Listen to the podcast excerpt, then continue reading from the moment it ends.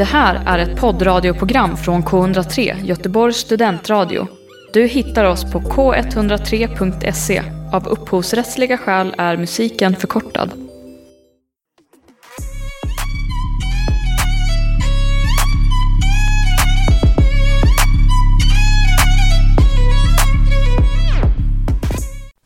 Hello, it's me again.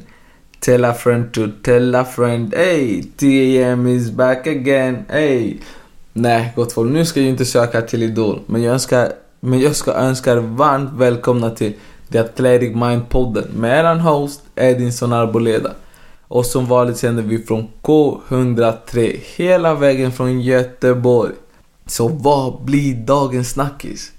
Idag ska vi prata om konversationsdynamiken i samband med grupptryck, vad konversationsdynamiken är, hur vi ändrar på den och varför vi ändrar på det.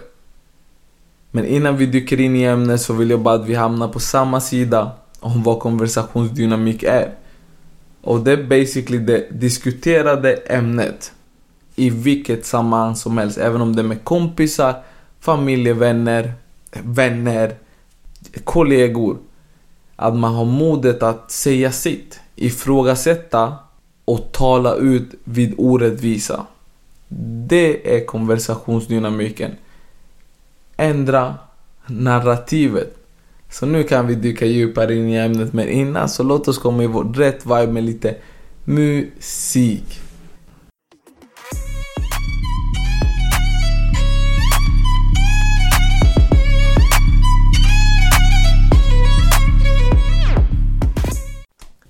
Men tillbaks till ämnet. Så kommer grupptryck.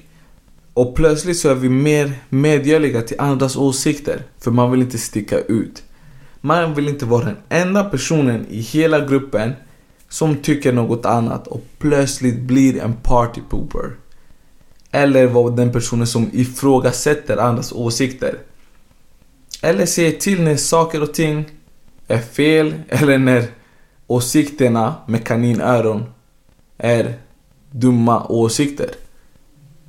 Man vill inte vara den som säger eller påpekar det för man sticker ut från gruppen. Man bryter normen. Och plötsligt kan saker bli pinsamma. Uff, det är nog det värsta ordet man kan använda. Inte bara i det sociala sammanhanget men vad som sker efter när folk börjar prata. Men shit, Såg du han Edinson? Vad pinsamt att han sa så. Vad pinsamt att han ifrågasatt. Varför är det pinsamt? Varför är det pinsamt att ändra konversationsdynamiken? Har vi tänkt på det? Och vad är pinsamt? Vad innebär det egentligen? Är det pinsamt att jag vågar tala ut? Är det pinsamt att du tycker att det är pinsamt för att jag vågade säga något du inte vågade men ändå tänkte på? Mm. Då är min fråga till den personen som tycker att det är pinsamt att tala ut eller ifrågasätta åsikter. Vem är du? Din åsikt varken ger, ger mig något eller tar någonting ifrån mig. Och så, inte bara det pinsamt, det är som att vi är så rädda för att saker och ting ska bli stela. Vi vill fly från stelhet. Det är det värsta man vet. Att det blir stelt är den pinsamma tystnaden då ingen säger något. Men jag blir lite så här pinsamt, stelt. Jag tror det tar mer, det tar mer på mig själv att sitta tyst när jag har verkligen någonting att säga.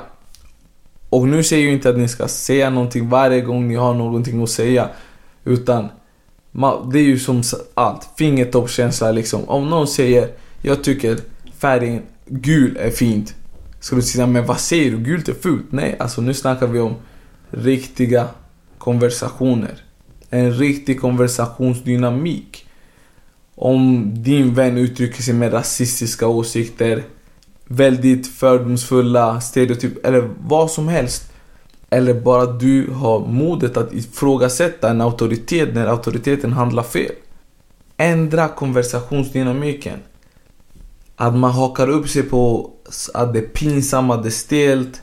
Att man är wannabe någonting för att man talar ut. Att folk börjar säga, men vem tror du att du är? Vem tror han att han är? Ja, människor kommer alltid ha åsikter. Det är något vi absolut inte kommer komma ifrån. Människors åsikter. Men saker och ting faller på när du låter det externa påverka det interna. När du låter alla de här normerna, alla de här konstruktionerna och vad som är rätt eller fel, eller hur man bör och inte bör reagera. Styra hur du känner inombords. När du känner att du vill tala ut, när du känner att du har något att säga. Att en orättvisa sker till exempel. Och inte talar ut. På grund av externa faktorer som så normer eller andras åsikter. Det tar mer på dig än vad det gör på dem.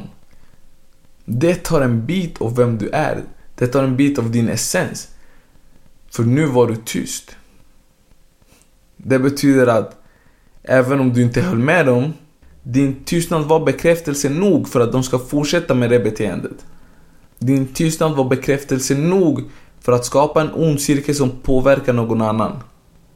Faktum att du inte vågade prata ut eller tala ut för det du känner rätt ökade chanserna för att orättvisan faller på någon annan.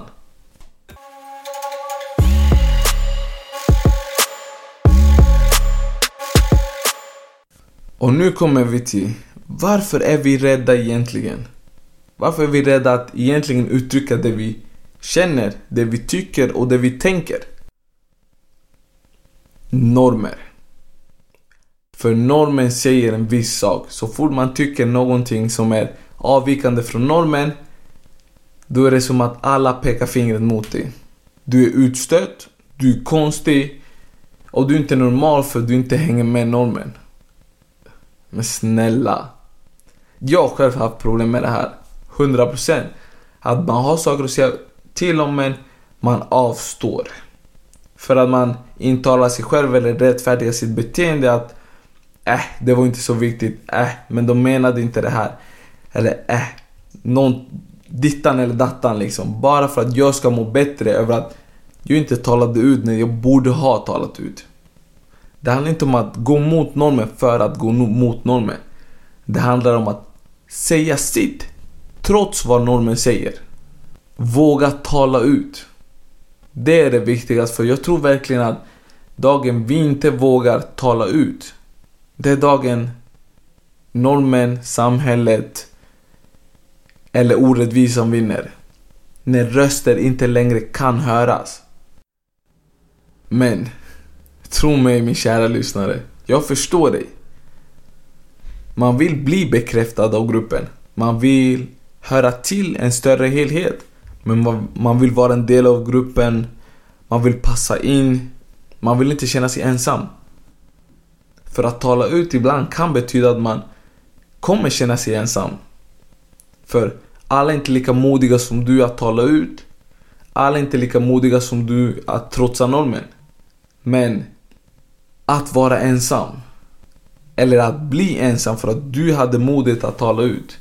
För att du hade modet att ändra konversationsdynamiken.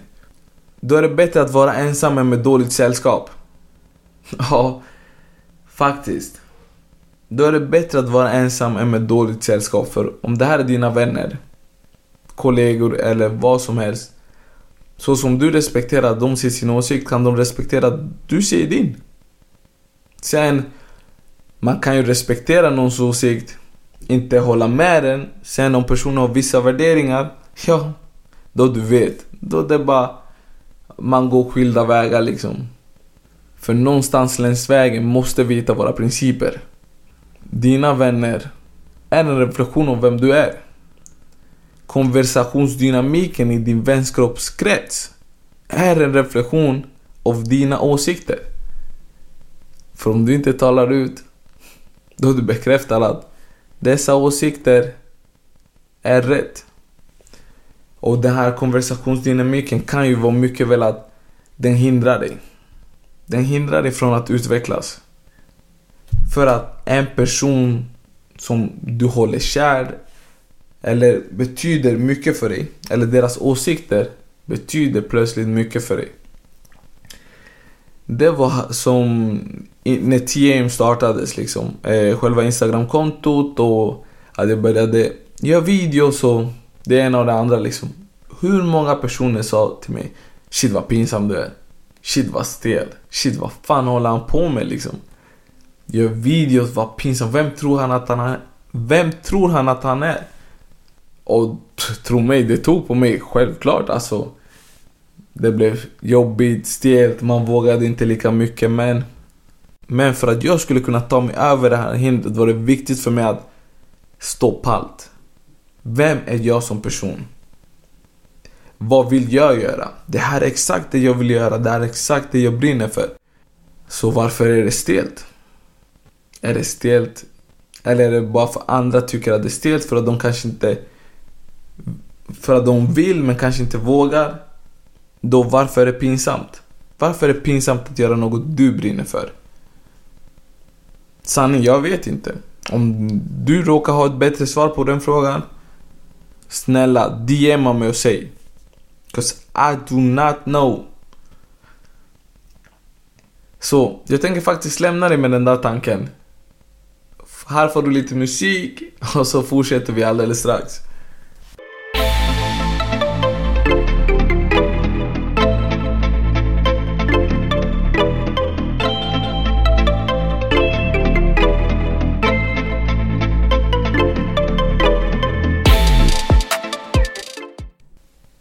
Jag har också suttit och tänkt på varför vi ska ändra konversationsdynamiken. Och jag satt länge, länge, länge och tänkte på det här. Men jag kom på, om jag ändrar konversationsdynamiken Jag bringar till existens mina åsikter Jag bringar till existens min förmåga att lyckas Genom att säga det jag vill, inte, inte bara för att jag säger mina åsikter eller framför mitt budskap Utan för att för mig är det en liten vinst Det är en liten vinst att kunna gå emot din rädsla För det är läskigt. För man vet inte hur folk kommer reagera. Men det är ändå något du brinner för, så det blir en liten vinst. Och små vinster i slutändan blir stora, stora steg. Genom att ändra konversationsdynamiken ändrar vi narrativet. Vilket betyder att vi ändrar vår livsberättelse. Vi kan skapa vårt liv. Det är, skapar nya perspektiv, skapar nytänkande. Det är steget till framgång. Att du vågar tala ut. För om vi ska vara helt ärliga och vi sitter i ett rum och 99 personer håller med. Tror du helt seriöst du kommer komma ihåg de 99 personerna som höll med? Bara för att hålla med? Eller kommer du komma ihåg den personen som vågade tala ut även om åsikten eller idén inte var uppskattad? Vad som helst. Man kommer komma ihåg man kommer komma ihåg personen som hade modet nog att säga sitt. Oavsett om personen skulle bli omtyckt eller inte. Det är inte poängen med att tala ut. Poängen med att tala ut är att du säger det som hjärtat vill säga. Du talar från... Det är bokstavligen, du talar från hjärtat. Du blir ihågkommen. Du blir distinktiv. Du, du sätter märke. Du blir punkten, utropstecken eller kommatecken. Du blir det som bryter mönstret.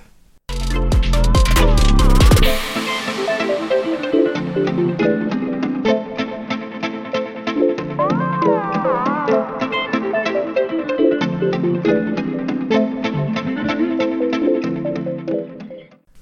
Sen, jag ska inte ljuga för er. Det kommer komma konsekvenser. Men det vackra med ordet konsekvens är att konsekvenser är inte negativa nödvändigtvis. Det kan vara negativa eller positiva. Men en konsekvens av vad du talar ut, en konsekvens av att du ändrar konversationsdynamiken är framgång. Det är självutveckling. Du växer som människa när du vågar ändra konversationsdynamiken. Du lär känna dig själv på ett helt annat sätt. Du lär dig att vara i situationer och hantera situationer som för dig är främmande eller obekväma. Du tar dig fram. Du blir människan man kommer ihåg. Ja oh shit, det var han eller hon som kom med den här idén. Ja, det kanske finns någonting här, vi kan bygga på det här. Det var han eller hon som vågade ifrågasätta. Det var han eller hon som stod upp mot orättvisa. Du blir stora namn, du blir stora kliv. Konversationsdynamiken handlar om att gå din väg. Att våga gå din väg oavsett, oavsett vad. Du vågar gå din väg. Nu är lite sidospår. Det är så mycket. Om du tänker på det. Det är så mycket normer, förväntningar överallt. Ja, på arbetsplatsen finns det normer. När du kommer ut din arbetsplats finns det andra normer. Det finns alltid någonting som skapas av personerna i din omgivning. Och det präglar ditt sätt att tänka, ditt sätt att vara, ditt sätt att resonera eller vad som helst. Men när du är medveten nog att våga ifrågasätta, det är bara då du kommer kunna ta val som främjar din självutveckling. Som främjar vägen till dina drömmar. Bara för att personen ser att du inte kommer lyckas så betyder det inte att du inte kommer lyckas. Ifrågasätt det. Varför ska du inte lyckas? Varför ska du inte lyckas? För att någon annan säger det. Ja, och sen Folk säger alla möjliga dumheter nu för tiden. Ursäkta språket. Folk säger att folk kan hitta på vad som helst. Men bringa saker till existens genom att tala ut. Rakt av alltså. Rakt, rakt av. Och inte bara det. Skapa din egen uppfattning. Det är viktigt. Skapa din egen uppfattning. Jag, för, jag, jag vet att du är smart. Du är intelligent. Du är bra nog. Du är mer än tillräckligt bra nog. Du har all potential och alla förmågor i världen. I världen. Att nå dina drömmar. Du kan göra exakt allting du tänker dig för så länge du är villig att arbeta för det. Men skapa dig din egen uppfattning om saker och ting. Du måste skapa din egen uppfattning. Inte gruppen. Du. Till exempel, nu innan vi avslutar. Om hela gruppen säger en viss sak. När du vågar ifrågasätta det, när du vågar ändra konversationsdynamiken som jag sagt så, så många gånger idag. Det är då du kan välja att avstå att handla utifrån deras ögon. Här, låt mig förklara. Om hela gruppen säger LeBron James är skitdålig basketspelare. Hela gruppen har sagt det här. Och du vågar ifrågasätta, oh, men varför är han dålig? Då har du ett annat perspektiv, en annan infallsvinkel. Varför är han dålig? Då måste du se vad han är bra på och vad han är mindre bra på. Nu är inte LeBron James en dålig basketspelare så det kanske inte var världens bästa exempel. Men, men där kommer det komma med ett nytt perspektiv. Däremot om du lyssnar på gruppen och tror att LeBron James är dålig. Plötsligt när du ser han spela kommer du tänka Shit, han är dålig. För du kommer haka upp dig på alla misstag han gör. Inte på de tusen sakerna han gör bra, utan på just de fem sakerna han gjorde dåligt. Och då letar du inte efter att se saker för vad de är, utan för att bekräfta den synen du fick av gruppen. Förstår du?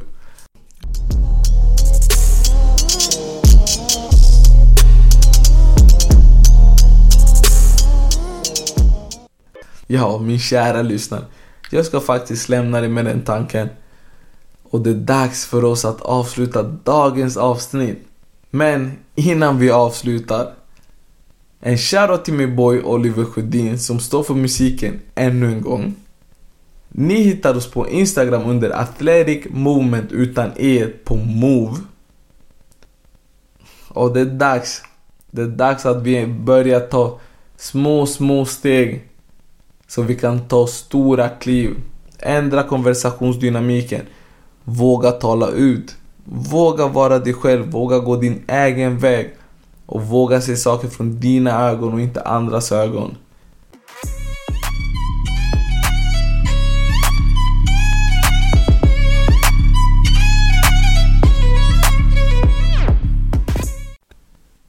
Du har hört en poddradioversion av ett program från K103. Alla våra program hittar du på k103.se. Följ oss gärna på Facebook eller på Instagram. Vi hörs!